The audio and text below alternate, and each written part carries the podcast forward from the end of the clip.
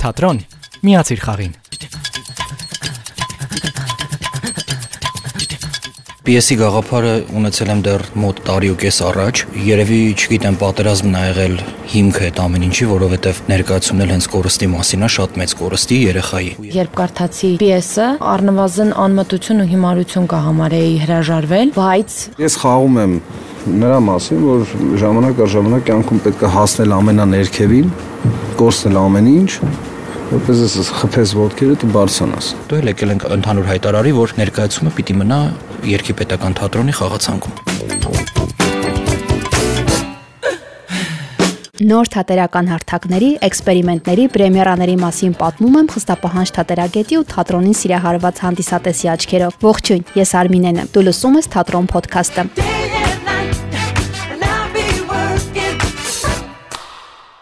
Եթե լսում եք թատրոնի էպիզոդները կամ ինձ անձամբ ճանաչում եք, կարծում եմ գիտեք, չեմ սիրում, երբ բեմադրության մեջ լուսաձայնային էֆեկտներ շատ են լինում։ Մի քանի շաբաթ առաջ ընկերներս գնացել էին դիտելու Նարեկ Մանուչարյանի բեմադրությամբ շղթա նոր ներկայացումը։ Համացանցի վիդեոներից, նկարներից այնպիսի տպավորություն ունեի, որ հերթական բեմադրությունն է, որտեղ լույսերի մեջ փնտրելու եմ դերասանների հայացքները։ Ամեն դեպքում որոշեցի դիտել, հետո միայն կարծիք կազմել։ Ուզում եմ ասել, տպավորված ու շատ իրարամերժ էմոցիաներով դուրս եկա թատրոնից։ Դե ինչ, այսօր կխոսեմ ռեժիսոր գրող Նարեկ Մանուչարյանի եւ Շղթան նոր բեմադրության մասին։ Կպատմեմ, որ թատրոնում են խաղում ներկայացումը, արդյոք հեշտ է պիես գրելն ու բեմադրելը, ովքեր են դերակատարները, ինչ դժվարություններ են ունեցել փորձերի ժամանակ եւ ոչ միայն։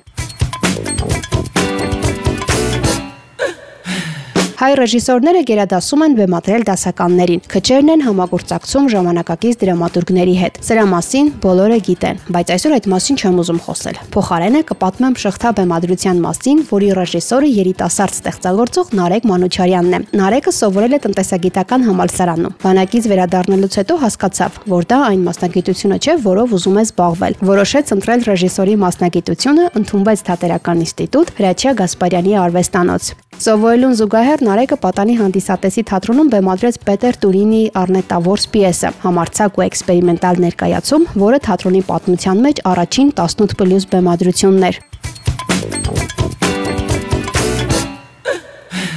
Գրող թատերագետ Անուշ Ասլիբեկյանը հարցազրույցներից մեկում ասել է. «Դրամատուրգիան առաջին հերթին թատրոնի իմացությունն է։ Դա գրողի պրակտիկան է թատրոնում, որովհետև դրամատուրգ դառնում են ոչ միայն կարդալով, ոչ միայն թատրոնի պատմությունն իմանալով, այլ ռեժիսորի եւ դերասանի հետ կուլիսներում աշխատելով։ Այս ճանապարհով Նարեկն արդեն անցել է։ Օրեր առաջ Երևանի Երգի պետական թատրոնում տեղի ունեցավ նրա շղթա պիեսի առաջնախաղը։ Երբ ես պատանի հանդիսատեսի թատրոնում արեցի իմ առաջին ներկայացումը, ես դեռ պրոֆեսիոնալ ռեժիսոր չէի։ Նոր-նոր ընդունվում էի թատերական ինստիտուտ։ Դա որոշակի էքսպերիմենտալ գործ էր, այսինքն ուղղակի հնարավորություն էր տրվել մեզ երիտասարդներից, որ աշխատենք։ Իսկ հիմա արդեն եկա USB հարթակը տեսնելուց հետո տարօրինակ շոկ էր ինձ մոտ, որովհետև շատ էի հավանել, շատ հետաքրքիր տարածք էր, բայց բեմադրելն էստեղ ներկայացում իհարկե որոշակի բարդություններ էր առաջացնում, որովհետև նախ հանդիսատեսի երեք կողմից է նայում ներկայացումը։ Հետո անհնար է այնպիսի միզանսցեն կառուցել, որ դերասաններից մեկը գոնե մի քանի վայրկյանով հանդիսատեսին մեջքով չլինի։ Իսկ մենք ինստիտուտում անդադ անցնում էինք այդ բոլոր կանոնները, որ դերասանը մեջքով պետք է չլինի հանդիսատեսին, բայց եկանք ու հասանք մի այնպիսի էքսպերիմենտալ ու գեղեցիկ բեմահարթակի, որ այդ բոլոր կանոնները մի րոպեում դարձան 0։ Ու մենք արդեն ստիպված պիտի ստեղծագործեինք լրիվ ուրիշ ձևերով, ավելի շատ մտածեինք, ավելի շատ երևակայինք, որ կարողանանք ստանալ վերջնական արդյունք։ Ես ինչքանով որ տեղյակ եմ, արդեն Երգի պետական թատրոնը նոր, այսպես ասած, ճանապարհ է ընտրել ու բացի երաժշտական ներկայացումներից նաև ցանկություն ունի Մանեն Գրիգորյան տնօրենը ցանկություն ունի, որ լինեն նաև այսպիսի ներկայացումներ, որոնք այսինքն նաև հետաքրիր կլինեն այլ հանդիսատեսի համար նրանք ովքեր գուցե չեն ցանկանում երաժշտական ներկայացումներ նայել կունենան այլ ընտրանք այս ներկայացումը դարձավ հենց առաջին այլ ընտրանքային ներկայացումը այս թատրոնի թատրոնի ստեղծման օրվանից սկսած առաջին ներկայացումն է որտեղ երգ չկա հենց դրանով էլ է էքսպերիմենտալ ու նաև շատ շնորհակալություն եմ ուզում հայտնել մանեին որովհետև բացի այն որ այլ ընտրանքային ներկայացում ունեցան նաև երիտասարդ ռեժիսորին տրվեց հնարավորություն իդեմս ինձ որ ես կարողանամ ստեղծագործել ոչ մի ձևով տնորենը ոչ մի պարագայում չի խառնվել իմ ստեղծագործական աշխատանքին, թույլատվել, որ ես ազատ ստեղծագործեմ, անեմ այնինչ կա իմ մտքում, կա իմ սրտում ու վերջնական արդյունքից հետո էլ եկել ենք ընդհանուր հայտարարի, որ ներկայացումը պիտի մնա Երկի պետական թատրոնի խաղացանկում։ Շղթան Նարեկի միակ ստեղծագործությունը չէ։ Ամիսներ առաջ լույս տեսավ նրա Արմեն կինովի պակը։ Այն պատմում է Արցախյան հերոսամարտերում գտած ու կորցրած սերերի մասին։ Մարդիկ պատերազմներում կորցնում են ամեն ինչ, բացի իրենց ներսում ապրող սիրուց ասում է գրողը։ Պիեսի գաղափարը ունեցել եմ դեռ մոտ տարի ու կես առաջ։ Երևի, չգիտեմ, պատերազմն ա եղել հիմքը այդ ամեն ինչի, որովհետև ներկայացումն էլ հենց կորստի մասին է, շատ մեծ կորստի երեխայի։ Ու երևի պատերազմը հենց ենթագիտակցորեն ինձ դրթել է նրան, որ ես գրեմ նմանատիպ պիես ու հենց այս թեման քննարկեմ ու բեմ բարձրացնեմ։ Շղթա, որովհետև այս ամուսնական զույգը տպավորություն է, որ շղթայված է իրար, ցավը սերը թույլ չի տալիս, որ նրանք իրարից բաժանվեն։ Ու ընկած են մի մեծ շղթայի մեջ, որ ոչ մի ձևով չեն կարողանում այդ շղթայից դուրս գալ։ Դրա համար էլ հենց պիեսը ու հետո արդեն ներկայացումը վերնագրեցինք շղթա։ Իհարկե եւ գրել եւ բեմադրել այդ շատ սարսափելի բարդ աշխատանք է, որովհետեւ երբ որ գրում ես արդեն ակամայից մտքումդ ու պատկերացումներդ մեջ ունենում ես հստակ կերպարներ, հստակ ներկայացում, ու երբ գալիս ես արդեն բեմական տարածքին ես ծանոթանում ու արդեն դերասաններն էլ իրենց կերպարներն են բերում, արդեն որպես դրամատուրգ, սենց մի փոքր տարօրինակ իրավիճակի մեջ, ես հայտնվում, բայց շատ կարևոր էր, որ Իշխանը եւ Սոնան, գլխավոր դեր գլխավոր դերակատարները, կարողացան ամեն ձևով ինձ օգնեն, որ ես դուրս գամ այդ արդեն դրամատուրգ եւ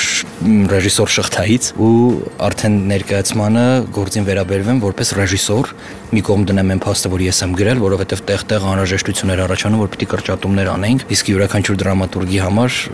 տպավորություն է ստեղծվում որ ինքը գրել է իդեալական ու ոչինչ պետք չի կրճատել բայց Փարք Աստծո այդ этаպն էլ շատ հեշտ ու մի օրում հաղթահարեցինք ու ինձ թվում է հենց դա էր պատճառը որ, որ մենք կարողացանք շատ սահուն կերպով հասնել վերջնական արդյունքին։ Ես միշտ ամենաառաջին օրը, երբ դերասաններին հանդիպեցի, ասացի, ես ուզում եմ այս ներկայացումից հետո յուրաքանչյուր մարտով գնայի գնատուն ու իր երեխային շատ ամուր գրկի։ Ու գրկի նաև այն մարդկանց, որոնց շատ է սիրում ու չի ուզում կորցնել։ Իհարկե բոլորս էլ գիտենք, որ գալու է մի этап, որ մենք կորցնելու ենք մեր հարազատներին, արդեն տարիքով մեծ հարազատներին։ Ես ուղղակի ես ներկայացումից հետո ուզում եմ յուրաքանչյուր մարդ գնատուն ու գրկի իր ամենահարազատին։ Դա է հիմնական նպատակը այս ներկայացման։ Ներկայացման գլխավոր հերոսին մարմնավորում է դերասան Իշխան Ղարիբյանը։ Նարեկի հետ որպես ռեժիսոր առաջին անգամ է աշխատում։ Տարիներ շարունակ տարբեր բեմերում ստեղծագործող դերասանը պատմում է, փորձերին դժվարություններ չեն ունեցել։ Միայն սկզբում չէր պատկերացնում ինչպես են խաղալու այդ բեմում։ Ով եղել է երկի պետական թատրոնում, գիտի, որ ստանդարտ թատերական բեմի հետ գրեթե կապ չունի, այսինքն ավելի էստրադային բեմ, ավելի համերգային, մոնո ներկայացումների այստեղ հրաշալի ներկայացում ունի մեր ներսեսը, մոնո են խաղում, այդ մոնոյի համար, հա, երբ որ դու ինչ որ տենց ինչ էլ անես կոպիտ ասած քեզ են նայելու ուրիշ ոչ միտեղ չեն նայելու բայց իպատիվ նարեկի իպատիվ մեր լուսային ցայնային մեր արտակը Արմանը, Նարեկը շատ-շատ օգնեցին, այսինքն սա այսպես մեծ թիմային աշխատանք ա եղել, էլի։ Պիեսը կարդալուց, ներկայացումը նայելուց, եթե չխորանաս, ուշադիր չլինես, չնայես, բարություն կլինի, որ ահավոր հորետեսական, որ պեսիմիստական ներկայացում Դե այդքան էլ այդպես չի, բայց իհարկե իմ կարծիքով ամեն դեպս ես խաղում եմ նրա մասին, որ ժամանակ առ ժամանակ կյանքում պետք է հասնել ամենաներքևին, կորցնել ամեն ինչ որպես ես խփես ոտքերդ ու բարձանաս։ Այդ այդ պետք է մեկ-մեկ։ Ամեն անգամ քեզ տեսնելիս կիսվում եմ, բաժանվում մասերի ու ուզում լծվել գրպաններիդ մեջ, որ ինձ ամենուր հետդ տանես։ Բոլորը մահացած իրերի են վերածվել, իսկ դու միակ կենթանի ապացույցն ես, որ ես դեռ ողջ եմ։ Ես քեզ հետ դժբախտությունը գերադասել եմ առանց քեզ երջանկությունից։ Իսկ դու ինձ անինքնասեր ես անվանում, որ բացակալիներդ երբեք չեմ վաճառել վրադ։ Ես մեռնելու աստիճան սիրել եմ քեզ։ Ասում է Սոնա Մուրադյանի հերոսուհին։ Աննան։ Ինձ համար որպես դերասան, երբ կարդացի պիեսը, առնվազն անմտություն ու հիմարություն կհամարեի հրաժարվել, բայց համաձայնելուց էլ հասկանում եի, որ մեծ պատասխանատվություն եմ վերցնում իմ ուսերին, կամ կորելու եմ, կամ բարձրանալու եմ։ Երկուսից մեկն էր։ Միջին տարբերակ այստեղ չկա։ Ես շատ ուրախ եմ, որ ես իմ դերասանական կարիերայի ընթացքում Նարեկի շնորհիվ եւ Իշխանի շնորհիվ ունեցա այս դերը, եւ սա ես մեծ հաստ յուղոտ տառերով գրելու եմ իմ դերասանական պատ պատմության մեջ, որովհետև սա շատ խորը, շատ դրամատիկ,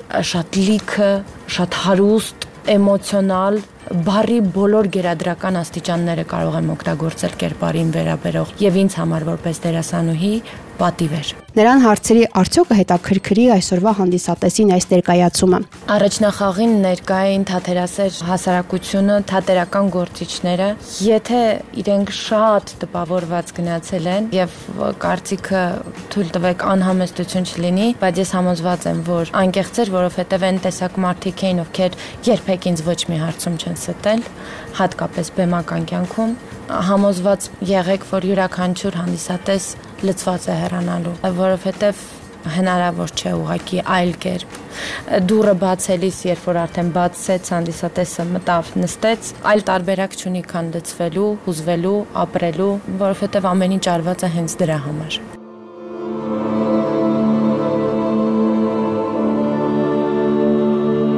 եկել եմ Երկի պետական թատրոն դիտելու շղթա ներկայացումը։ Այսօր երկրորդ անգամ են խաղում։ Առաջին անգամ եմ այս թատրոնում ու ուզում եմ ասել, հիացած եմ դահլիճով։ Մի տեսակ հետաքրքիր աուռակա ու բեմնել է ուրիշ։ Իհարկե դերասանները կասեն, որքանով է հեշտ ստեղծագործել այստեղ, որովհետև պետք է այնպես անել, որ բոլոր կողմերից հանդիսատեսը տեսնի դերասաններին մի խոսքով։ Կարծում եմ իսկապես այս ներկայացումը բեմադրելուց շատ դժվարություններ են ունեցել։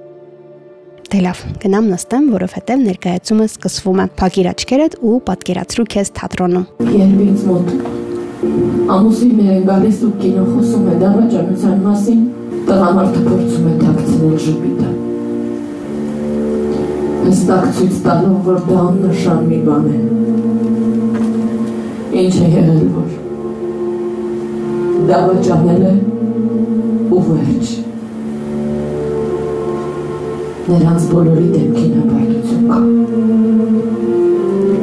Կարելի է չէ ենթադրել, որ մի օր էլ ընկերոջը կդավաճանեք։ Ես չգիտեմ ինչու վստահ էի, որ դու դավաճան չես։ Ինչու դավաճանեցիր։ Վայելում էի քո տված ազատությունը։ Էլի ես եմ մեղավոր։ Մեղավոր անմեղ գտնելու կարիք չկա։ Երբեմն կյանքում բաներ կան, որ անում ես առանց մտածելու։ Պատճառն եմ ուզում իմանալ։ Դուք էլ պակաս առևտրականը չեք։ Ամուսնուն եք վաճառում ձեր բոլոր չստացված ցանկություններն ու կրքերը։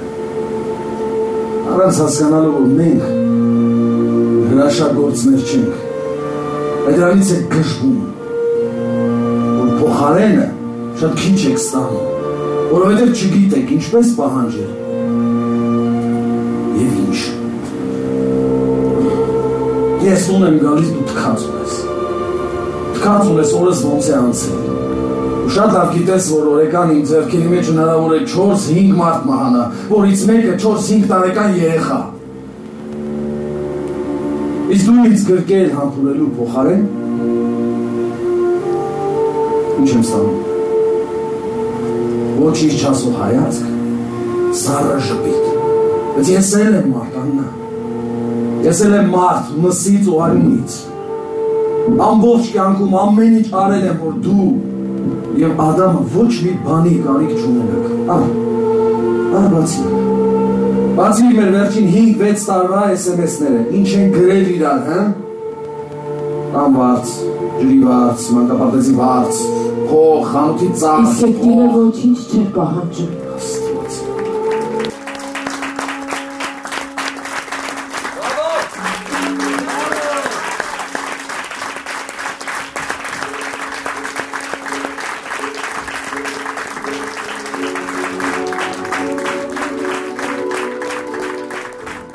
Քիչ է լինում, որ ներկայացման ժամանակ կոկորտս ինչ որ բան խեղդի ու այդպես շարունակվի, երբ դուրս եմ եկել թատրոնից։ Օրեր առաջ են դիտել ներկայացումը, բայց մինչև այսօր կան նախադասություններ, որոնք մտքումս են։ Ու կարևորը, այս անգամ արտաքին էֆեկտները չխանգարեցին ինձ, գուցե օգնեցին։ Չնայած առանց արհեստավարժ դերասանների ոչինչ չէր ստացվի։ Կարծում եմ, սա այն ներկայացումներից է, որ պետք է դիտել։ Չմոռանամ ասել, թատրոն կարող ես լսել ամենուր։ Այցելին մեր կայք imradio.am կամ Apple Podcast, Spotify ու մնացած քեզ հայտնի podcast pleasure.